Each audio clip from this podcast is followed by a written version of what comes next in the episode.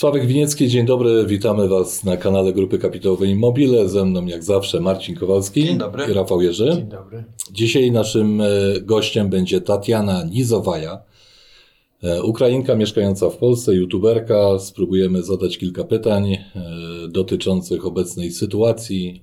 Ten odcinek nagrywamy 22, 24 lutego 2022 roku w 7 godzinie od początku inwazji Rosji na Ukrainę. Tak.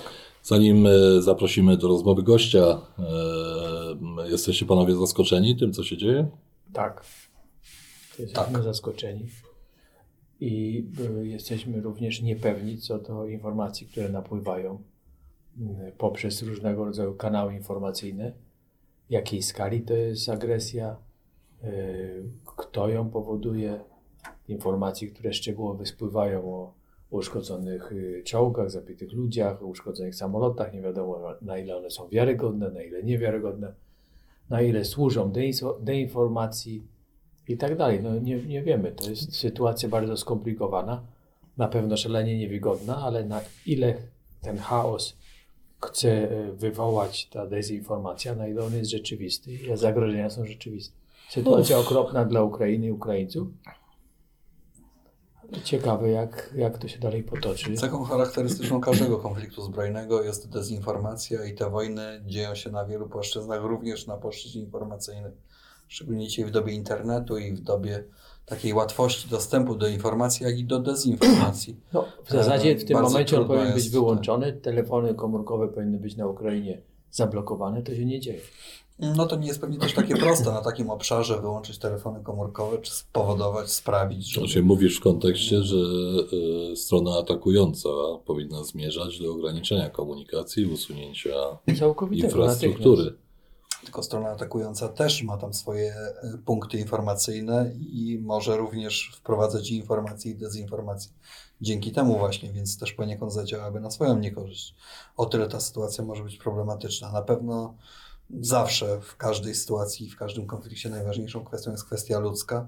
Wiemy znakomicie, że tutaj w Polsce e, przybywa bardzo dużo Ukraińców pracujących. Wiemy znakomicie, że my tutaj z Polski również mamy bardzo szereg, wiele kontaktów, również bliskich z Ukraińcami. Więc to, co oczywiste, dzieje się to za naszą granicą, więc e, bardzo to przeżywamy, bardzo się tym martwimy i wyszukujemy, wyłapujemy wszystkie możliwe informacje, które płyną, również w tym dezinformacje. No i jak na razie wiemy tylko tyle, że ten atak bezdyskusyjnie i bez wątpienia nastąpił. No i wyłapujemy, wyszukujemy, interesujemy się, denerwujemy, intrygujemy i Okej, obserwujemy. ale spróbujmy e, jako e, przedsiębiorcy, jako e, osoby, które mają doświadczenie w zbieraniu informacji, spróbujmy oprzeć się na tym, jak wygląda dziś sytuacja od strony e, czysto politycznej. Parlament ukraiński, nie wiem czy słyszeliście, wczoraj podjął decyzję o wprowadzeniu na terenie Ukrainy stanu, stanu wojennego. wojennego. Władimir Putin e, e, po uznaniu dwóch republik podj- podjął decyzję o wysłaniu do tych dwóch republik swoich żołnierzy. Co oznajmił dzisiaj o czwartej nad ranem w swoim To wystąpieniu. akurat chyba wczoraj albo przedwczoraj. E, Moje pytanie brzmi, czy z punktu widzenia formalnego e, Rosja wypowiedziała wojnę Ukrainie? Z punktu widzenia formalnego mm, Rosja na pewno najechała na Ukrainę. Czy nastąpił akt wypowiedzenia wojny jako takiej? Pewnie nie. E, Natomiast te działania, tak, ale mówimy tu tylko stricte o takiej formalności jakiejś dyplomatycznej, która, e, która jest tylko jakąś formą dokumentu czy papieru, tak. Natomiast jeżeli chodzi o działanie, to te informacje, które nas które docierają, tak, czyli, e, czyli na pewno Charków, już okolice Charkowa, czyli na pewno Odessa, tak, punkty w okolicach Kijowa, Znaczy, to, są, lotniska. to, są, to są informacje nie pochodzące bezpośrednio od ani władz, ani władz ukraińskich, ani rosyjskich. E, Ja bym poprzestał jednak na, skon, na skoncentrowaniu się na oświadczeniach, które wydały albo Ministerstwa Spraw Zagranicznych tych krajów, albo osoby e, głównodowodzące. E, Nas na pewno, Rafał, bo wielokrotnie o tym rozmawialiśmy, zaskoczyła informacja o wprowadzeniu stanu wojennego, bo myśleliśmy, że Ukraina pozostaje w wojnie z Rosją od 2014 2014 roku. No ta sytuacja jest bardzo skomplikowana i e, bardzo trudno jest ją opowiedzieć i formalnie nazwać. Tak? To, że od 2014 roku Putin e, tak naprawdę poprzez swoich ludzi, którzy e, na tym terenie od bardzo dawna mieszkali, wspartych przez wojska Putina, zajmuje okolice Donbasu, wojsk, Ługańska wcześniej, czy Krym. Wcześniej twierdził, że tam wojsk rosyjskich nie było, to po pierwsze. A po drugie, mimo wszystko, czy nie uważacie, że Ukraina potwierdziła e, uchwałą e, ich dumy o wprowadzeniu stanu wojennego, czy jednocześnie nie postanowiła, że nie pozostaje, że część jej terytorium poza jej kontrolą, bo czy Donbas, czy Formalnie ten teren jest poza kontrolą Ukrainy od bardzo dawna. To nie jest ten stan rzeczy taki po prostu jest i niestety y, świat się trochę do tego przyzwyczaił. Bo przecież nikt niczego w tym kierunku nie robi i y, zajęcie Krymu, czy okolic Donbasu, czy Ługańska jest stanem faktycznym od lat 7 czy 8 i, i tyle. Wszyscy do tego przywykliśmy i wszyscy... No, akurat byliśmy wspólnie na Ukrainie, w, kiedy rozpoczął się ten konflikt, czyli w listopadzie 2014 roku. E, to co, to, co mnie osobiście wówczas zaszokowało, to to, że był bombardowany stadion Szachtara Doniecka. Doniec grał w Wowie e, mecz e, Ligi Mistrzów. I nie było widać nigdzie identyfikacji z tą pozostałą częścią Ukrainy. No, trzeba pamiętać, jak wielowymiarowy to jest kraj, jak on jest ogromny. E, jakie w tym kraju występują podziały.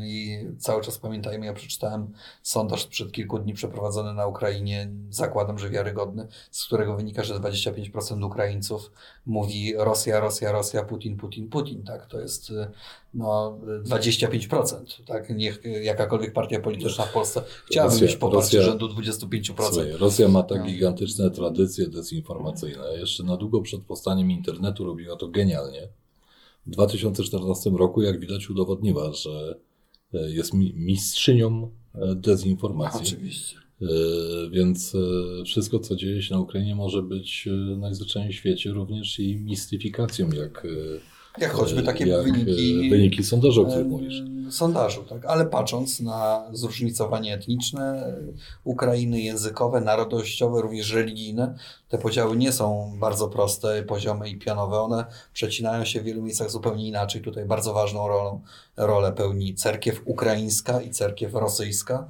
E, e, bardzo ważną rolę pełni w ogóle umiejscowienie terytorialne. Zupełnie inaczej sytuacja wygląda pod Lwowem, a zupełnie inaczej pod Odessą.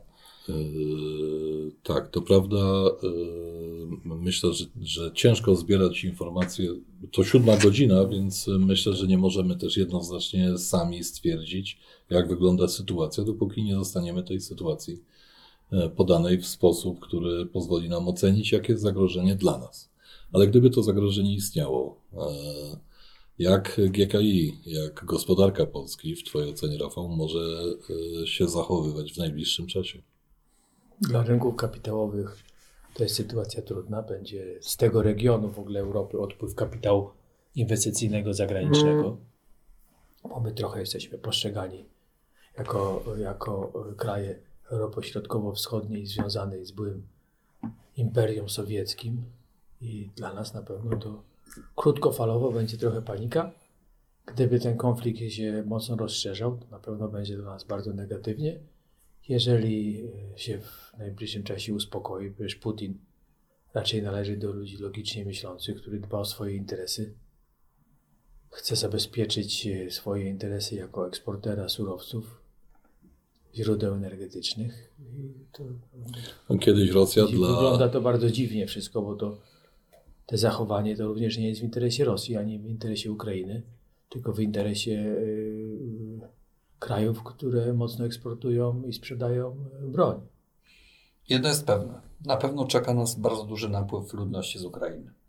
E, to jest e, proces, który jest nieuchronny i niezależnie od tego, jak tam potoczy się sytuacja. ten napływ ludności jest bardzo dla nas pozytywny. Oczywiście, że jest pozytywny, natomiast on no, na pewno będzie daleko, daleko bardziej zintensyfikowany i na pewno E, czy wskutek działań wojennych, czy wskutek samego zagrożenia, czy nawet po prostu chęci przebywania w świecie pewniejszym, bardziej bezpiecznym i stabilnym.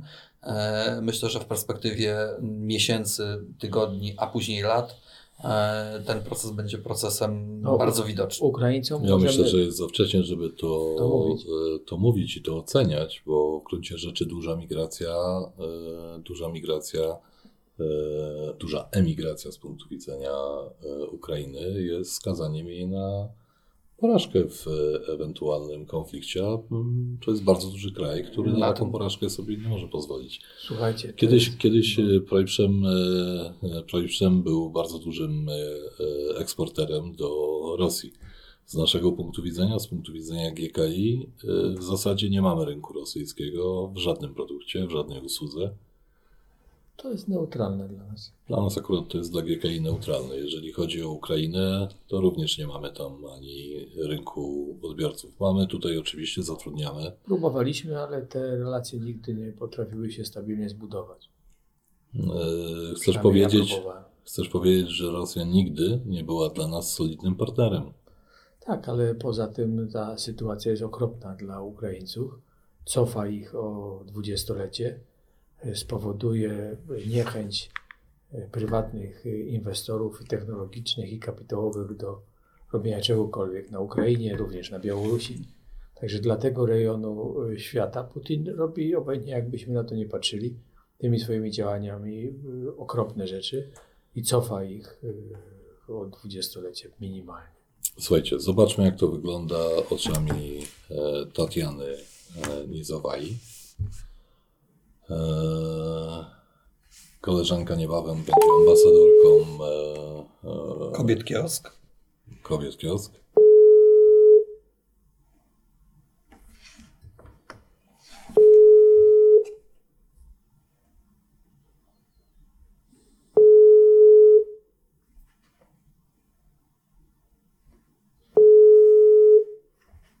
Dobrze dzwonisz?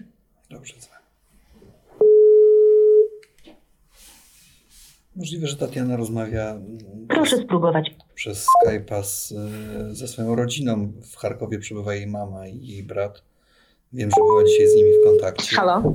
Dzień dobry. Halo, nie zdążyłam odebrać, tak, tak, dzień dobry. Sławek Winiecki, Rafał Jerzy i Marcin Kowalski. Rozmawiamy e, na temat e, Twojej ojczyzny, czyli Ukrainy. E, tak, tak, Chcieliśmy dowiedzieć się od Marcina, wiemy, że jesteś w kontakcie ze swoją rodziną w Charkowie.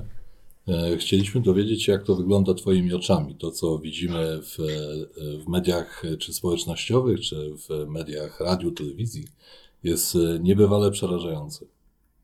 Tak, naprawdę jest przerażające i ogólnie też dziś rozmawiałam ze swoją rodziną. To moja mama mówi, że już słychać jakieś strzały, że się robi naprawdę bardzo, bardzo strasznie. Oni bardzo się boją. Też mama mówi, że w sklepach e, już puste półki, że nie można nawet już kupić jedzenie. Też w aptekach e, niektóre leki już są wykupione, takie najważniejsze jakby tak dla, dla zdrowia. Też mama mówiła, że dzisiaj poszła do banku, chciała też tam mm, jakby wyjąć pieniądze.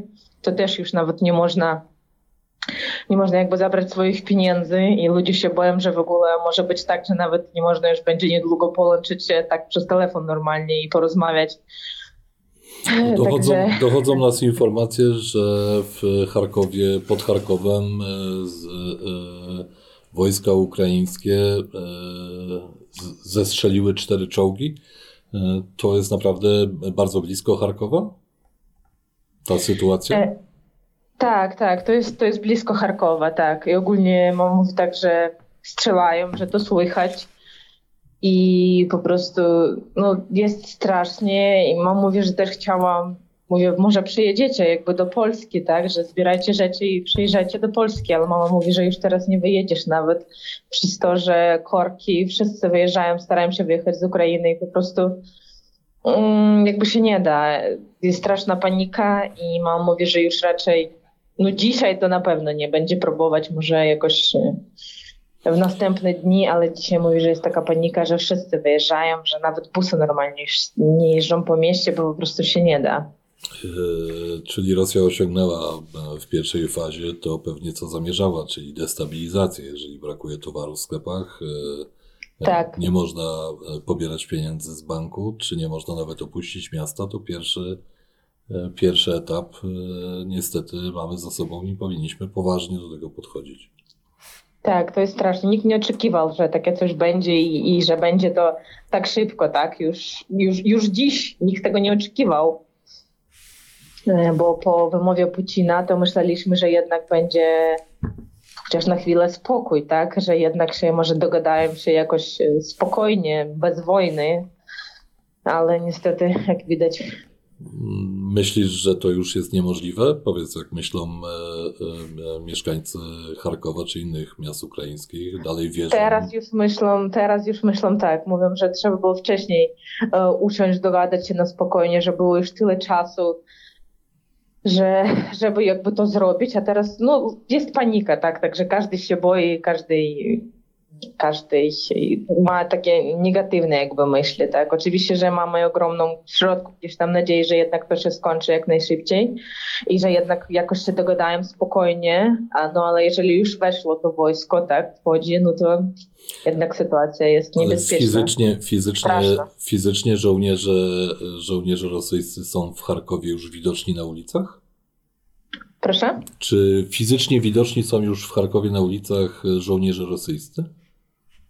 E, nie wiem nawet, bo dzisiaj jeszcze jakby nie pytałam tego u mamy, ale mama w sumie mówi, że już, że słychać jakby już strzały, tak? Okej, okay. E, to jest bardzo współczujemy, jest nam bardzo e, oczywiście przykro, gdybyśmy mogli w jakiś sposób, jako firma, czy jako my ludzie, pomóc Tobie, Twojej rodzinie albo Twoim znajomym, to oczywiście jesteśmy do Twojej dyspozycji. Dziękuję. Dziękujemy Dziękuję bardzo. bardzo. Dziękujemy, dziękujemy, bardzo za rozmowę. Trzymamy kciuki, życzymy powodzenia dla wszystkich, za wszystkich mieszkańców e, Ukrainy. Dziękuję. Pozdrawiam serdecznie. Dziękuję. No niestety potwierdzają się najsłabsze scenariusze. E, ja osobiście uważałem, że e, nie dojdzie do takich zdarzeń. Nadal nie widzę logicznego oparcia w zwykłej agresji. Charków drugie co do wielkości po Kijowie miasto, 1,4 miliona ludzi. No tak, położone bardzo blisko granicy, w związku z powyższym Putin wykorzystał ten ośrodek i zaatakował właśnie tam. Natomiast e, myślę, że ta nadzieja, która przemawia przez Tatianę i przez tych ludzi, pokazuje, że że cały czas wierzą i trzeba też się tego trzymać. Tak? Zobaczymy, jak to, się, jak to się dalej ta sytuacja ukształtuje. Natomiast ona jest tak totalnym zaskoczeniem. Ja jeszcze kilka dni temu rozmawiałem również z Tatianą i Tatiana wtedy powiedziała takie zdanie, że tutaj dużo więcej w Polsce mówi się o tym konflikcie i o możliwości tego konfliktu niż tam w Charkowie, czyli to by wskazywało, że ludzie mieszkający tam e, starają się nie myśleć o tym za bardzo i nie przeżywać tego aż tak bardzo i trochę odganiać te złe myśli i normalnie funkcjonować, a dzisiaj, jak widać, te, to stanowisko jest zupełnie inne i to zaskoczenie jest ogromne. Oni są naprawdę zaskoczeni. No to potwierdzenie logiczność działań e, Federacji Rosyjskiej i e, Putina. E, skoro wszyscy są zaskoczeni, to brak w tym logiki szczególnie. Pytanie, co dalej? To jest pytanie, które jest y, ważne, kluczowe. Myślę, że, myślę, że jest zbyt wcześnie, żebyśmy potrafili racjonalnie ocenić sytuację, czy gospodarczo, czy politycznie, czy po prostu wojennie.